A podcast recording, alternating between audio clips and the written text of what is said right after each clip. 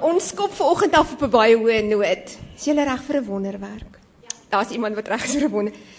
God was daar. Sê hierdie boek vir ons. En ehm um, ek het 'n wonderlike paneel hier wat vanoggend vir jou stories gaan vertel wat jou gaan hoendervleis gee. Ehm um, wat by ons so bewustheid gaan skep van in ons besige bestaan. Dat God regtig lewe en dat hy daar is nie net in die groot goed nie, maar ook in klein goedjies.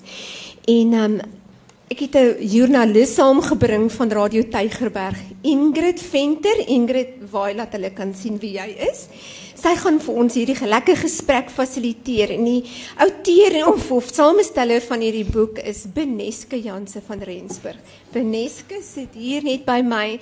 Nou sy is 'n dame wat daar ons vergeet waar dit uit die Vrystaat uitkom op die plaas groot geword het en op die Stellenbosch kom studeer het meestersgraad in journalistiek behaal sy het 'n draai in Nederland gaan maak vir haar studies lekker goed toegerus teruggekom programorganiseerder geword by Radio Kansel en sy is tans 'n uh, omroeper by Radio Tygerberg waar sy uitstekend doen sy was vir die jaar benoem vir die ATKV media veertjie vir die beste omroeper en uh, Sy's 'n mamma ook en vrou vir Johannes, 'n biokinetikus. Maar ehm um, Beneska sê die belangrikste wat jy van my moet sê is is dat ek beskikbaar is en wil wees vir die Here en dat ek wil leef in so bewustheid om God raak te sien. Ag en dis sommer so my gebed van hierdie kant af. Ja, ek is so duplisief van kom uitgewers, publikasiebestuurder daar en ehm um, Beneska sê sy sy wil ons help om God raak te sien en dit is regtig so bewustheid uh, by ons of of 'n gebied by ons dat dit vir elkeen van julle vanoggend waar gaan wees dat jy gaan uitstap met daai wete dat God daar is. Ons moet hom net raak sien. Ek gee dadelik oor aan Ingrid en baie dankie dat julle almal hier is en jy gaan die ander gaste ook aan ons bekendstel. Goeiemôre almal, baie baie welkom. Ek moet ek kan amper sê baie welkom van Radio Tygerberg se kant af want ons is omtrent verteenwoordig hier vanoggend. Ek is 'n omroeper daar. Hardes is die groot baas. Hardes Ewenster hier langs my. Ehm um, Beneske is 'n omroeper. Jy kan haar hoor tussen 9 en uh, eh, 12 elke weekdag en dan Rochelle Liedeman, behalwe dat sy pragtig sing en baie van julle al dalk haar gehoor sing het, is sy ook 'n omroeper en doen sy die oggendskof en staan sy bitter vroeg op in die oggend. Ek wil nie eens vra hoe laat nie. Rochelle was sy begin 6uur. So ehm um, en en Rochelle en Hardes is hier want hulle stories is ook vervat in hierdie fantastiese boek wat Beneske geskryf het. Jy weet, ehm um, in Beneske is jou 5de boek, nê? Dis reeds haar 5de boek ja, wat die lig sien. En hierdie boek God was daar gaan daaroor dat sy in hierdie boek met 'n klomp mense gepraat het en hulle stories saamgevat het. Hulle stories van van wonderwerke, maar eintlik ook van hoe God daar was in moeilike tye. En dit is nie net bekendes nie. Hier's nou baie bekendes stories hier in. As ek nou na die voorblad kyk, dan sien ek vir Joanita Du Plessis, ek sien vir Retief Burger, ek sien vir Jacques de Priester, is ek nou reg? Ja. Uh hier's Rita McPherson, Rickert Botha, uh, Jan de Wet. Ag, hier's 'n klomp bekende mense, Michael Moll en so voort. Maar hier is ook onbekende mense, gewone mense se stories hier in wat net so aangrypend is. En ek dink die storie van hierdie boek en ek gaan vir Beneske net nou kans gee om te sê wat wou sy bereik het deur hierdie boek te skryf. Maar wat ek wat ek beleef as ek na hierdie boek kyk en ek sien hierdie ding van God was daar dan sê dit vir my God is alomteenwoordig en dit is vir my omtrent die boodskap wat uitstaan uit hierdie boek uit. En ek dink net as Rochelle en Hardes hulle stories gaan vertel dan gaan jy hoor hoe God uh, ook teenwoordig was. En ons gaan nog van die ander stories ook uitlig hier uit die boek. En ek dink ek moet sommer begin deur een uit te lig wat ehm um, wat is van iemand wat ons sal sê 'n gewone mens is. En dis 'n fantastiese storie en ek gaan dit ek wil dit graag lees soos wat sy dit geskryf het. En ek gaan net die begin lees en dan gaan ek vir haar vra om die um, om die uiteinde van die storie te vertel want dit was fantasties. Nou by Radio Tygerberg se ontbytprogram Oggendrooi het ons 'n matriekafskeidprojek begin waar luisteraars matrieks kan nomineer wat graag hulle afskeid wil bywoon, maar dit nie kan bekostig nie. Ons kies dan 4 matrieks uit die nominasies wat ons by hulle skole gaan verras met die nuus van 'n matriekafskeid van hulle drome. Die prys sluit onder meer in die rok, die pak, die gremering, die hare, die juwele, skoene en 'n spogmotor vir die aand.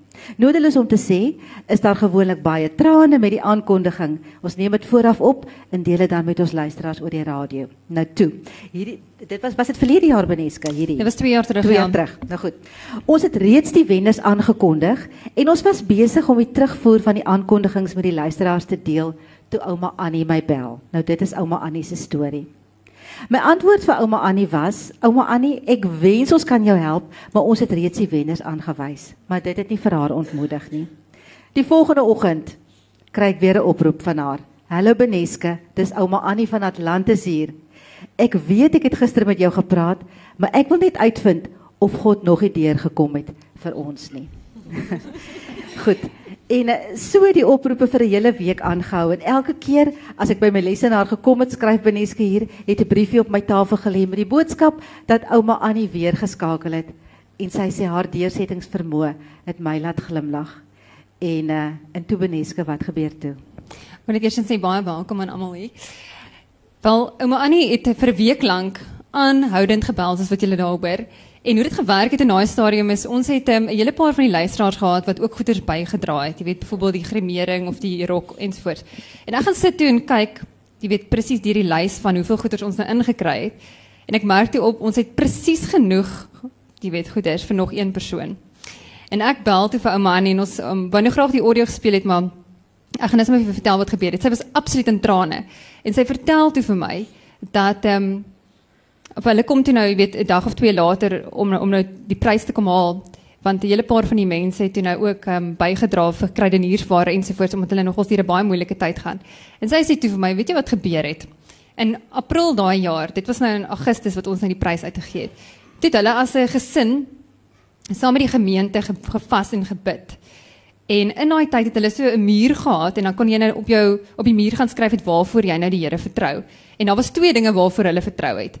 Die een was gewees haar kleindogter wat sy nou voor die matriekafskeid wou gehad het, is baie goed akademies en sy wou graag gehad het die kind moet gaan studeer, maar die aard van die saak, hulle het geen manier gehad nie want finansiëel kry hulle swaar.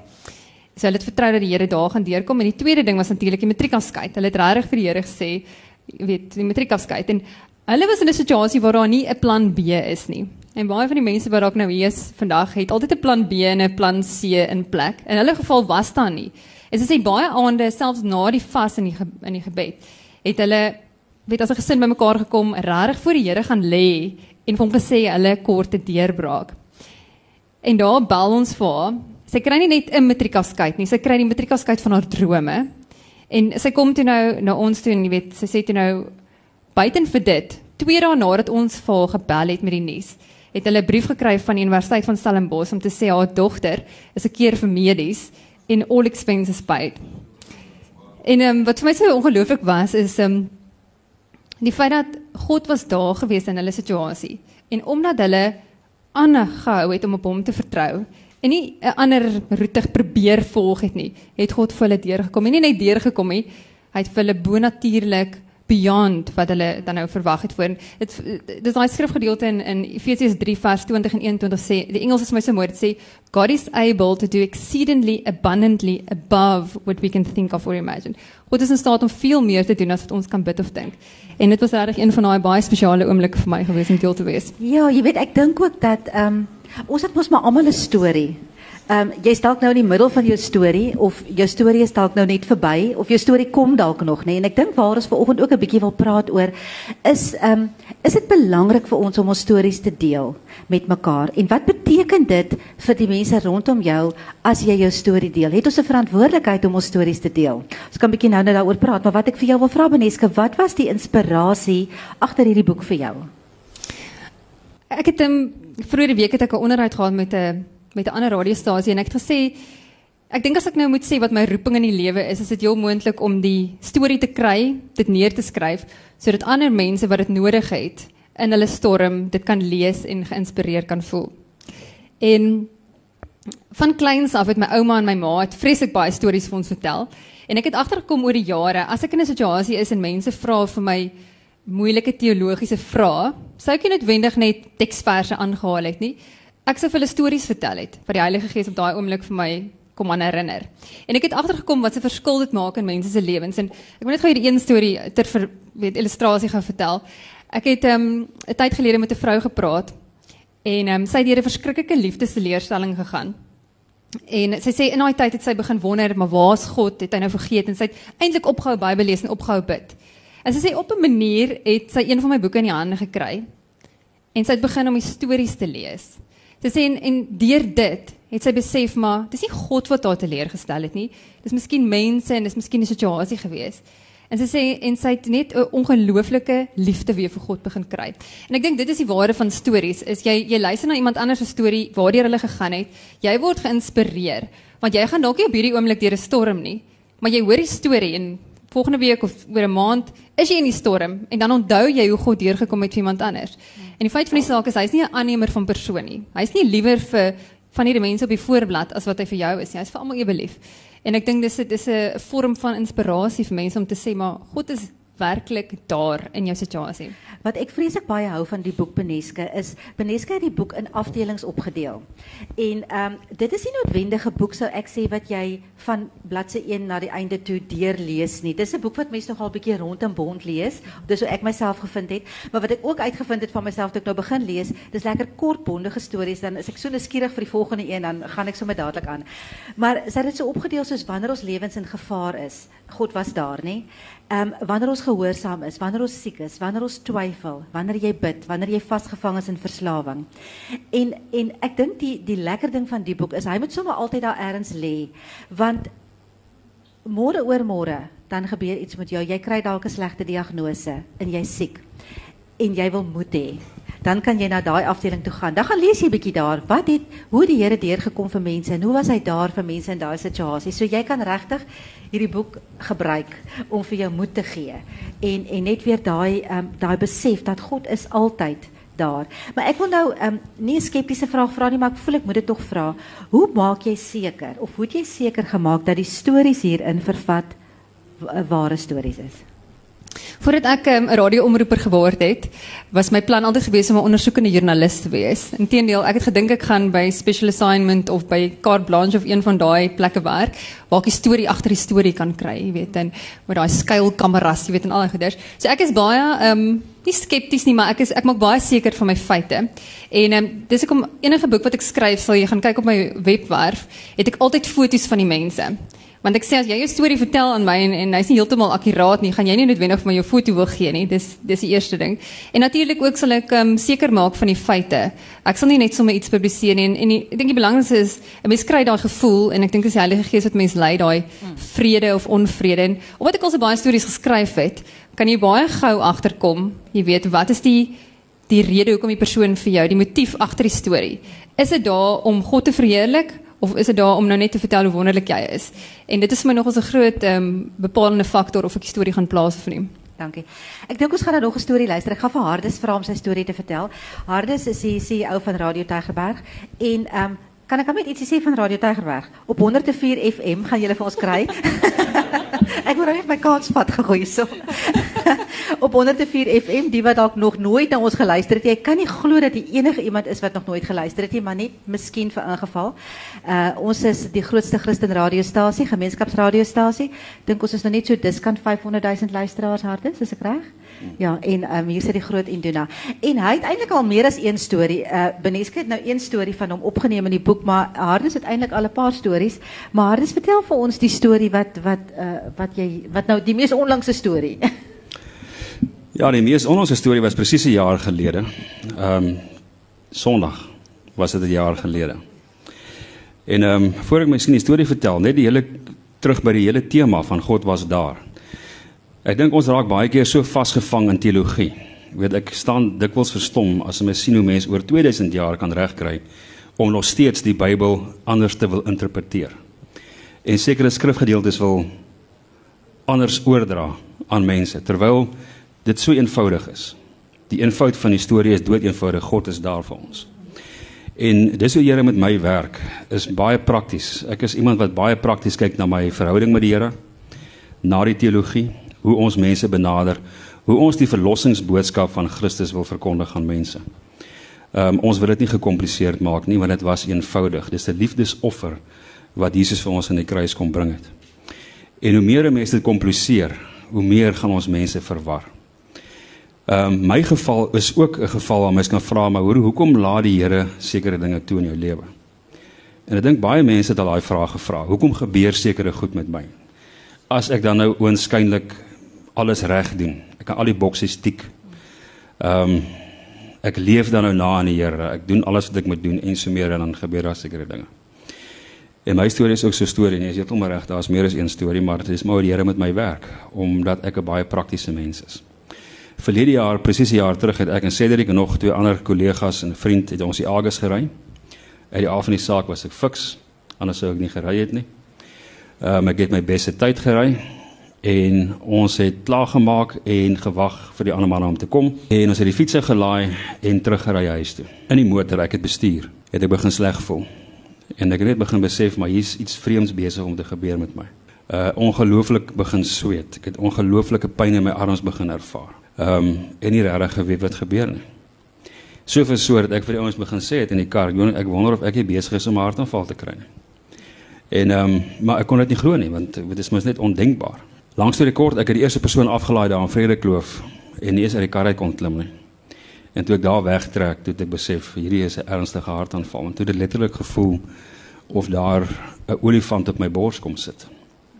En uh, die persoon wat langs my was op daai stadium in die voertuig is van Pretoria, het nie geweet waar die hospitaal is nie. So ek het maar gesê jy dit maar vasbyt boet.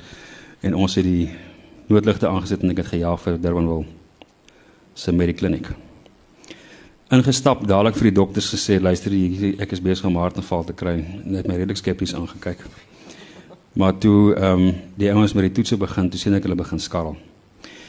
Nou op daai stadium, omdat ek 'n persoon is wat redelik altyd glo en voel ek is in beheer van alles, het ek nou net regtig begin dink die dokters moet nou vinnig klaar kry want op daai stadium was daar 'n huis vol mense wat gewag het na ons sou 'n braai hou en daar's mense wat van Transvaal vir ons kom kuier het en so meer. So ek het nie regtig die omvang van hierdie saak besef nie. En uh die pyn het al hoe meer ondraaglik begin raak en hierdie ding het nie einde gekry nie.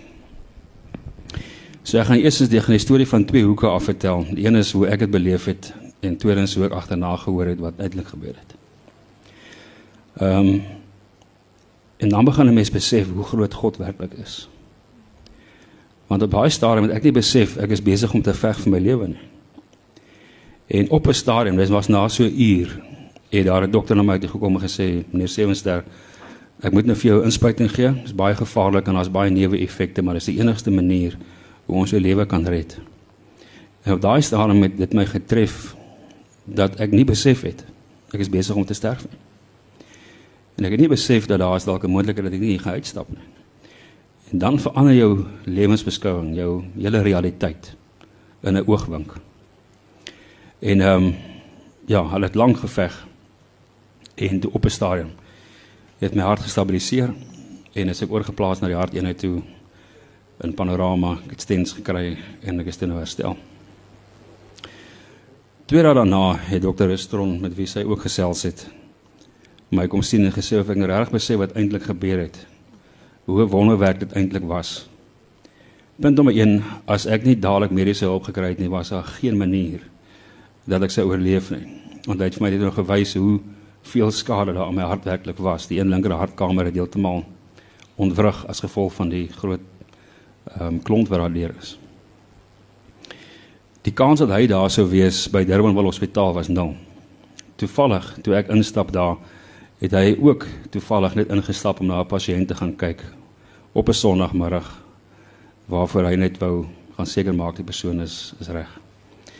En hy hoor toe daar's 'n geval, 'n hartaanval en hy's 'n spesialis wêreldbekend. En kon hy dadelik instap en my op 'n ander manier begin behandel. Tweedens het hy gesê dat as jy 'n hartaanval van hierdie omvang kry en jy die persoon nie binne 'n uur kan stabiliseer nie, is daar permanente hartskade. Hulle het na 21 minute kon hulle my glad nie gestabiliseer kry nie. En hy sê hulle het alles denkbaar gedoen wat hulle kon doen medies gesproke en hulle het begin letterlik vrees dat ek sou sterf. En ek onthou baie goed dat hy bestorm na my toe gestap en net sy hand op my bors gesit en sy oë toegemaak en hy het so gestaan en weer weggestap. En hy sê vir my al wat hy op daai stadium kon doen het was hy sy hand op my bors geplaas en sê Here as dit U wil is red hierdie man se lewe want ons kan niks meer doen. En daai gebed was verhoor. En is my lewe gered. Die tweede wonderwerk was toe ek um, nou vir my 6 maande so ondersoek gaan. En die van julle wat nou al bietjie mediese agtergrond het en wat al dalk 'n hartaanval gehad het, sal weet dat as jy 'n hartaanval van hierdie omvang gehad het, is daar altyd permanente skade aan jou hartweefsel en spiere. En sal enige dokter altyd op 'n EKG kan optel dat daar skade is. Ehm um, my 6 maandelikse ondersoek het gekom en hy het verstom gestaan om te sien dat hy self wat my behandel het nêrens enige teken kan optel van enige skade of enigstens 'n bewys dat ek wel 'n hartaanval gehad het nie. En sy woorde aan my was as, as hy nie myself behandel het nie, sou hy nie kon glo dat ek wel 'n hartaanval gehad het nie. So ek kan net sê alle lof en prys aan die Here dat hy net weer eens vir ons kom bewys hy is daar. En God bepaal wanneer ons sal gaan en wanneer ons hier sal bly funksioneer op aarde. So ek gaan net vir hom loof en prys ook op die manier waarop hy vir my prakties kom wys het. Dat hy ons sal nooit begewe en nooit verlaat in enige omstandighede nie, ook in omstandighede soos hierdie. Hardes, ek wil tog vir jou vra, watter impak het hierdie hele um, ervaring wat jy gehad het op jou geloofslewe gehad? Dit het 'n geweldige impak gehad in die sin van die God as 'n werklikheid. Het net vir my meer na vore gekom. Ons kan baie gesels oor Jesus, ons kan baie gesels oor 'n verhouding met die Here, ons kan baie praat oor 'n godsbegrip. Ehm um, ons kan baie praat oor die godheid self, maar baie keer kan ons intellektueel daarna kyk. Maar wanneer iets soos hierdie gebeur en jy besef God het almagtig in jou lewe ingegryp, dan die werklikheid van God kom nou net vir jou baie sterker deur. Dat dit is nie net 'n entiteit waaroor ons kan gesels met die intellek nie. Maar dis 'n superwese, die Skepper God wat met ons in 'n verhouding wil staan en wat bekommerd is oor ons, wat lief is vir ons, wat betrokke wil wees in ons lewe. En dit het vir my net so 'n groot duidelikheid geword. En dan natuurlik die ander ding kan ons baie lank oor gesels, die hele kwessie van as mens so baie jong ouderdom so belewenis het is om seker te maak dat jy jou roeping waarvoor Here jou geroep het volwaardig uitleef en dat mense nie tyd mors met goed wat niks daarmee te doen het nie. Dankie daarvoor. Wil iemand miskien vir Hardes ietsie gevra het? Goed. Ehm um, Beneske, ek wil tog vir jou vra hoe het jy te werk gegaan om hierdie stories bymekaar te maak en so op te neem? Kyk, ek het 'n klein dogtertjie vir wie wat nou nie weet nie. Sy is op hierdie stadium in die hospitaal. En um, my ma is daar, maar gelukkig my pa is hier. Sy oupa het vandag kom ondersteun. En ehm um, wat ek agtergekom het, mens nie baie tyd as jy klein kindertjies in die huis het nie. So ek is redelik baie meer afhanklik van die Here as wat ek nog ooit was. Veral as dit kom by die keuse van stories wat jy in 'n boek saamvat, want ek het verskriklik baie wat wat al reeds oor die afgelope paar jaar opgebou word. En as jy nou gaan sit om te besluit watter sit jy saam, is jy redelik baie afhanklik van die Here om jou te lei en presies te sê wat. So ek dink um, as dit kom kom by daai, ek probeer altyd 'n verskeidenheid bymekaar sit. Soos byvoorbeeld as ek nou nou kyk na God was daar, daar stories van finansiële voorsiening waar God regtig deurgekom het waar mense nie kon nie en ons gaan nou nou baie mooi storie hoor. Dan is daar ook byvoorbeeld beskerming van mense wat um, in gewapende rooftogte betrokke was, jy weet waar God daar se was. En dan is daar mense wat regtig vir God vertrou het vir 'n lewensmaat en hoe God daarse voorsien het. Ehm um, mense wat deur 'n egskeiding was wat vir God vir 'n tweede kans op geluk vertrou het en hoe God deurgekom het. So daar's regtig 'n groot verskeidenheid en ek probeer dit altyd so hou dat 'n mens ehm um, kan sien maar God is nie net in 'n bepaalde area daar nie, hy's werklik waar in elke faset van ons lewens betrokke. Ek dink as ons moet ehm uh, moet kyk en ek as ek as ek moet vra mense moet opstaan mense wat 'n storie het om te vertel moet opstaan gaan almal waarskynlik kan opstaan vandag. Wat hoekom hoekom dink jy dis belangrik dat ons ons stories deel? Ek het op pad hierheen nog ons vanoggend gedink daaraan is dat as ons dit sou gedoen het en ons het vir almal gesê luister staan op en vertel jou storie so almal hier uitgestap het geïnspireerd. Mm. want soos wat ek vroeër gesê het jy sal nie nou in 'n storm nie maar môre oor môre gaan dit dalk finansiëel bietjie swaar dan onthou jy maar wag wag wag God het mos vir daai vrou of daai man deurgekom en dan het jy meer geloof eintlik in jou eie situasie om te vertrou dat God ook vir jou gaan deurkom. So ek dink dit is die waarde van stories en baie mense voel my stories is nie belangrik genoeg nie. Dis baie mense wat dalk hier sit en sê maar ek het nie regtig gestoor nie. As iemand vir jou sê vertel my gou-gou 'n getuienis in jou lewe dan gaan jy sê ek het nie regtig eene nie. Maar eintlik het ons almal 'n storie En mens moet eintlik teruggaan in jou lewe en gaan onthou waar God vir jou deurgekom het. Die Israeliete moes monumente gebou het terwyl hulle moes getrek het. En die groot rede vir dit was om terug te kyk wanneer dit moeilik gaan En te gaan sê, maar luister, die God het daar vir my deurgekom, hy het daar vir my deurgekom en hy het daar vir my deurgekom en en ek dink 'n mens doen dit soms nie omdat jy dink maar dit is so belangrik nie, maar dit is baie belangrik. Ek dink as jy die boek lees dan um, is dit net weer vir my so 'n herinnering toe ek nou van die stories lees dan besef jy net weer jy weet um, ons ons maak baie keer so ons eie planne en baie keer selfs raak jou planne op. Dan dink jy ek Ek het nie ek dink Rochelle jy was daar ons gaan nou jou storie luister. Ek dink ek het nie meer 'n plan nie. Ek het nie eens meer 'n plan B of C niks van my planne werk uit nie. Maar dan kan jy maar weet God is reeds lankal besig om agter die skerms te werk. Dis waar hy spesialiseer, dis waar hy baie goed is. En hy's klaar besig om die plan te maak want hy ken die uiteinde hiervan en die woord sê die uiteinde gaan goed wees as jy hom liefhet. So hy is reeds besig en en aan die gang met 'n goeie plan vir jou. Ek wil net gefvinnig iets sê rondom dit. Ek het in 'n stadium baie toneelstukke verhoogstukke geskryf. En ehm um, vir vir diegene wat dalk nou al betrokke was in die hele proses sal weet hoe belangrik die rol is van die regisseur van die verhoogdrama. En daai persoon tydens die repetisie sit mos nou baie keer in die skare waar jy weet waar die mense gaan sit. En en die persoon sal sê, "Oké, okay, nee, skuif bietjie links, skuif bietjie regs." En as die akteurs op die verhoog baie mooi luister, gaan dit op die einde potensieel 'n staande toejuiging wees wanneer dit nou op die aand is wanneer die toneel opgevoer word. En in ons lewens is dit presies dieselfde. God is die toneelregisseur. Hy gaan vir ons sê, staan bietjie links, staan bietjie regs en as ons net gehoorsaam is in die fase waarin ons nou is, gaan ons beleef hoe alles ten goeie meewerk. Want baie keer dan is ons nog net in die eerste bedryf van die toneelstuk. Met ander woorde, in die begin van die toneelstuk. Daar's nog twee bedrywe wat op pad is waar alles wonderlik gaan uitwerk. Maar as ons nou nie luister en daar is waar ons moet wees nie. Gaan dit dalk bietjie langer neem. Want onthou net in elke toneelstuk wat baie suksesvol is, wat 'n staande toejuiging op die einde het, is daar daai spannende oomblikke, daai krisis. Dit moet daar wees want dit veroorsaak dat die storie dan ten goeie kan uitwerk. En ehm um, dalk sit jy vandag in die eerste bedryf in jou lewe, dan wil ek jou net sommer aanmoedig om om mooi te luister waar jy moet gaan volgende want dit gaan reguit werk. Ja, dis daai ding wat hulle sê your test becomes your testimony en ek dink ons moet laat daai geleentheid by ons verbygaan nie.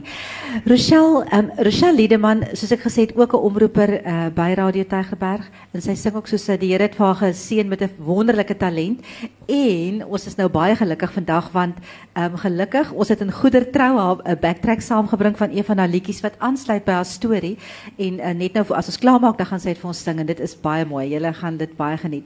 Maar Rochelle jy het ook 'n storie om te vertel van um, van hoe die Here vir julle deurgekom het en hoe hy daar was toe dit toe dit toe dit nie lekker was nie. Ja, nee, dit was glad nie lekker nie. Ek moet sê, dit was omtrent so 4 jaar gelede uh, wat ek nog onthou hoe ek in die kombuis staan en net vir die sê, "Hoe het ons onsself in hierdie situasie gekry?" En my man Jamie, ehm se baas was vermoor ehm um, omtrent so 5 jaar gelede of 4 jaar gelede en waar ons die oproep gekry het oor die feit dat uh, hy van die gebou afgegooi was in um, Claremont. En jy as jy daai nuus kry, dan dink jy nie dat dit enigsins jou lewe gaan negatief affekteer nie, maar dit het, het en op 'n maand later um, is hy geretrench en um, hy was afgelê. Um, en my babatjie op daai tyd was omtrent so 3 maande oud. As jy 3 kinders het en jy kry sulke nuus, dan dink jy vir jouself nee, dit dit dit dit gebeur nie met my nie. Dit gebeur met mense daar buite, maar dit gaan nooit met my gebeur nie. En in tyd, ehm um, ek was een van daai bevoorregte mammas wat by die huis kon wees en ehm um, na my kinders kyk en omsien en uh, Jamie het hard gewerk en het na die retrenchment het hy baie hard gesoek vir werk en hy kon toe nie enigstens werk nie. En dan was hy een ehm ek dink dit was 'n maandagooggend wat ek in die kombuis staan en met my rug teen die muur wat ek net vir die Here sê, Here, ek kan nie meer nie. En ek raak weer emosioneel want op daai slag voel jy net, Here, ek het al alles probeer en ek het probeer my CD's te verkoop en alles, maar hier staan ek net met R20 in my hand vandag en ek moet besluit gaan ek elektrisiteit koop of gaan ons kos koop vandag? En die logiese ding is, is om elektrisiteit te koop. So wanneer die kos miskien by die voordeur instap, dat jy wel kan kos maak en as uh, omtrent so 'n uur of so later is daar klop aan die deur en is een van die vrouens in ons gemeente wat kruideniersware bring en die Here het op haar hart gelê dat sy vir ons moet uh, terwyl sy inkopies doen om vir ons ook kruideniersware te koop. En uh, toe ek die sakkies oopmaak, dis alles wat ons nodig het, nie minder of meer nie. Alles wat ons nodig gehad het op daai oomblik was daar. En ek wil net die Here dankie sê vir net hierdie groot wonderwerk wat miskien nou klein lyk want ons is op 'n ander ons in ander omstandighede in ons lewens. Maar op daardie oomblik was het dit vir ons so baie beteken. En uh in daai tyd uh, sê ek vir Jamie, ag, ek dink dit is tyd vir 'n nuwe album. Hy sê, "Wat is jy mal? Hoe kan ons nou 'n nuwe album opneem?" Ek sê vir hom, "Ek dit is 'n geloofaksie ding. Ons moet regtig uh profeties hierdie liedjie skryf oor hierdie nuwe begin." En ons het dit toe begine doen. En my Engelse Jamie Marie het uh, hierdie Afrikaanse liedjie 'n nuwe begin geskryf. En die woorde gaan soos volg: Die winters verby. Die sneeu op die berg het verdwyn. Die son is weer sigbaar vir my. Dit lyk my die lente verskyn in my. En nadat ons hierdie liedjie geskryf het, was dit regtig soos die die hemel net oopgegaan het en die Here het vir ons deure oopgemaak wat ons nooit kon dink het sou gebeur in ons lewens nie. Sjoe. Jo, dankie Rochelle. Ehm um, wat was die impak van hierdie hele gebeurtenis ehm um, in jou en jou gesin se se se lewe en pad met die Here? Weet jy Ingrid, ek het altyd gedog ek ehm um, of gedink dat ek die Here vertrou. Hmm. Maar toe in daai situasie het ek gesien daar's dele van my lewe wat ek nie vir hom toelaat nie. Hmm. En finansiëel was een van daardie gedeeltes wat ek net en en daai skrif wat vir my so uitstaan is trust in the Lord with all of your heart, lean not on your own understanding. And when you acknowledge him in all of your ways, that's mm. when he directs your path. Mm. Om daai pakkie wat ons baie keer, jy weet, ons word so genooi om die pakkie by die kruis te gaan neersit mm. en dan doen ons dit in die aand en dan môreoggend dan stap ons weer daar verby dan tel ons hom weer op en dan gaan ons. Mm. So ehm um, Aardis uh, stem jy saam dat ons sukkel baie keer om af te gee en regtig te laat gaan dat die Here doen wat hy wil doen en gaan doen? Nee, verseker. Ek dink in my geval is dit een van die redes waarom die Here maar op hierdie manier met my gewerk het, is omdat ek tik dikwels gedink het ek kan self probleme oplos. Hmm. Of ek bly maar self in beheer, want ehm um, as jy 'n beheer vraat is soos ek is, dan ehm um, gaan jy baie moeilik dinge net afstaan aan die Here en sê staan terug. En ek het al 'n paar gevalle moes beleef die afgelope 9 jaar wat ek by Radio Tygerberg is waar ek op 'n punt moes kom waar ek besef het dat my slim planne gaan net eenvoudig nou geen oplossing meer bied nie. En maar jy regtig waar voel jy's in 'n hoek vasgeverf en as die Here nie deur kom bo natuurlik nie. Ehm um, dan is daar net eenvoudig groot drama. En dan moet jy mense op daai punt kom waar jy werklik waar kan oorgee. En ek dink vir enige mens is dit baie moeilik om op daai punt te kom, maar dit is ook baie bevrydend as jy wel vir jouself gaan toelaat om op daai punt te kom want weer eens as mens jy's trots. Ek dink trots is een van die grootste vyande ehm um, wat daar kan denkbaar wees in 'n scenario soos hierdie is waar ons dink ons wil daarom nie gesig verloor nie. Ja. ons wil net vir die mense wys ons is daarom nog in beheer. Ons wil nie erken ons het gefaal nie. Ehm um, en eintlik is dit nie wat ons erken nie. Ja. ons erken net God is in beheer Hy is groot. Hy is in beheer van ons lewe en ons staan terug en laat hom net eenvoudig toe om sy grootheid te kom demonstreer deur middel van ons lewens. Anders sou ons nie hier kon sit en hierdie stories vertel nie. Ek dink daai wat jy sê van dis baie bevrydend is ek wil net sê amen op dit. Beneska, ek weet nie of ek nou vir jou baie onregverdige vrae gaan vra nie, maar gaan nou maar vra. Watter storie, hier's nou so baie stories in, maar watter storie hierin? Want jy sê lê hier naaste aan die hart of wat jy die meeste aangegryp nie, maar watter storie het regtig vir jou tot jou gespreek? Jy nou een kan uithaal. So, dis dis 'n moeilike vraag. Dis ek het altyd gesê met my vorige boek ook, dit is um, amper om om vir 'n ma te vra wie is jou gunsteling kind. Jy weet want elke storie is baie spesiaal elke storie gaan vir jou op 'n sekere tyd in jou lewe baie beteken. Maar ek dink ehm um, sien dat my dogtertjie in hierdie stadium in die hospitaal is en is dis redelik nogal emosioneel. Dis die eerste keer, sy's amper 1 jaar oud. Ehm um, gaan ek miskien hierdie storie vertel van van Isak Burger wat 'n um, soortgelyke ding deurgegaan het. Hy is die um, president van die AGS kerk in Suid-Afrika vir diegene wat nou nie weet nie. En um, hy vertel sy storie dat so 'n paar jaar gelede het sy gesin deur 'n geweldige moeilike tyd gegaan. Um, hy het eh, drie kinders, sy um, seun was deur 'n baie wat 'n baie ernstige motorfietsongeluk, het amper sy been verloor. Sy jongste dogter het uh, is gediagnoseer met 'n siekte en sy moes gehospitaliseer word. En sy oudste dogter het na 8 jaar van getroude lewe het sy uiteindelik swanger geword. En ehm um, toe op 22 weke toe vind hulle uit maar die die um, swangerskap moet getermineer word gevolg van geweldige komplikasies. En die spesifieke dag is ehm um, sy vrou is toe uitstedig en ook sy oudste dogter se man.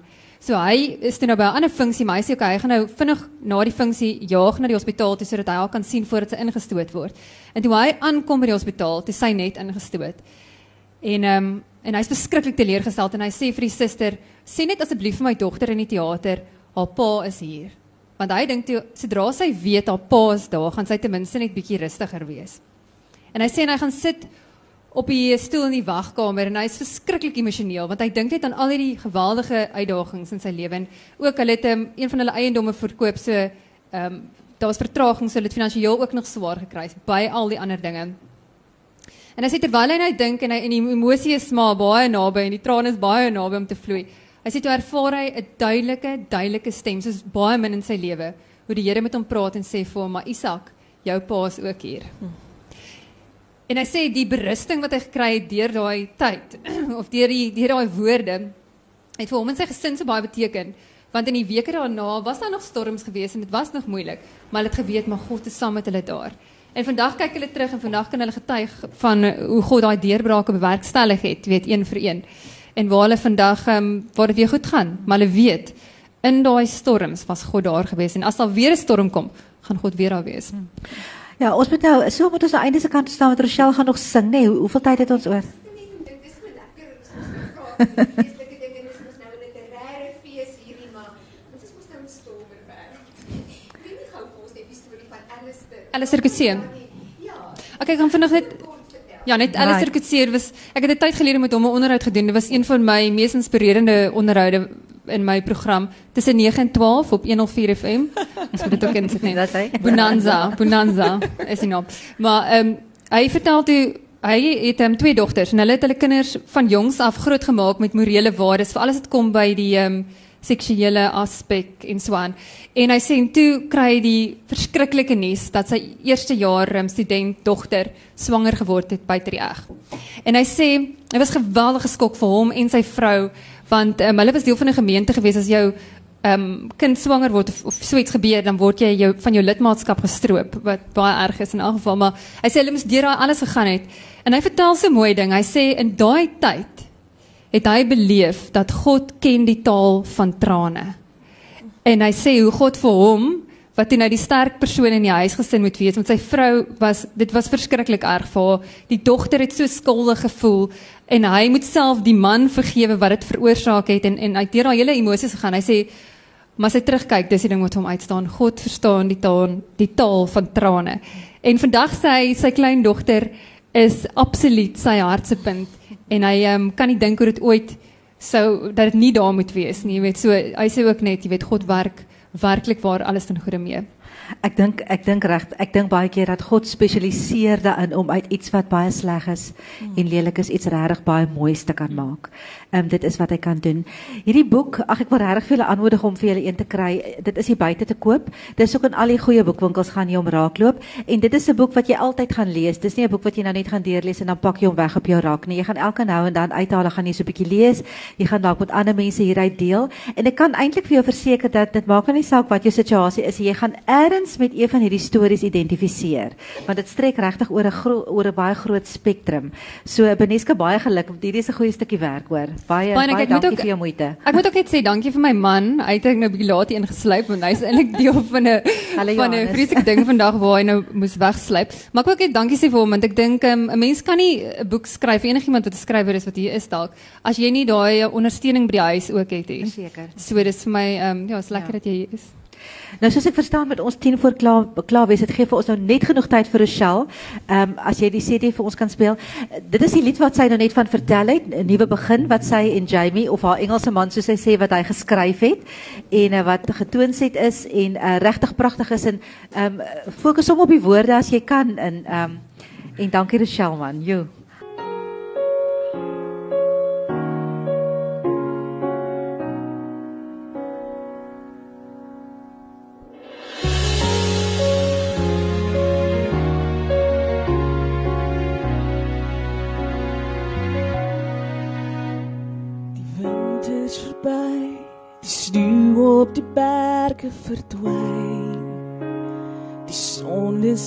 Sigbaar vir my.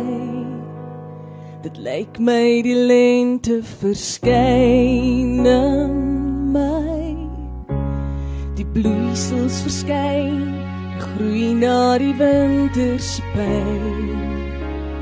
Wat nou eers geduldig verskyn. Die wind van verandering waai oor my. Dis 'n nuwe begin. Nuwe begin. Dis 'n nuwe begin. Nuwe begin in my.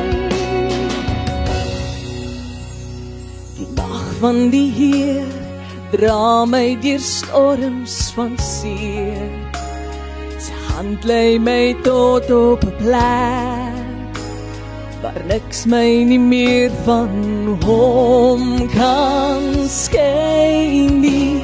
Die waarheid is nou so sigbaar soos hemelse blou. Ek sien nou deur oë wat glo. Die Gees laat my besef daar is 'n nuwe begin. Begin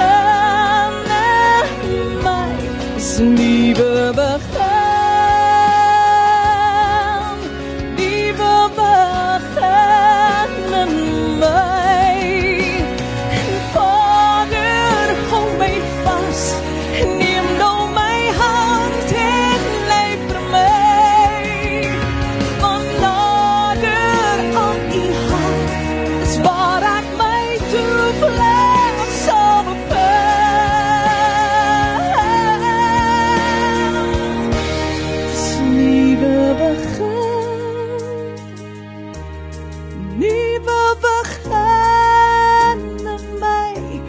Dis 'n nuwe begin.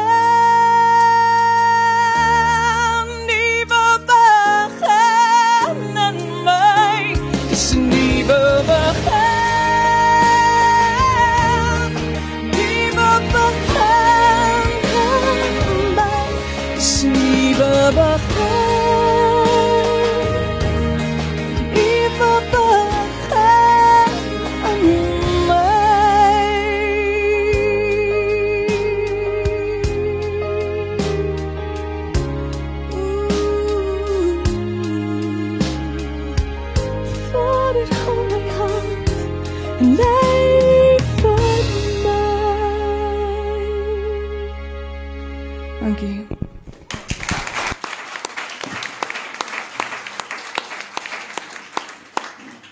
Sê ek sê baie baie dankie vir elkeen wat die moeite gedoen het om ver oggend hier te wees. Dit was baie lekker.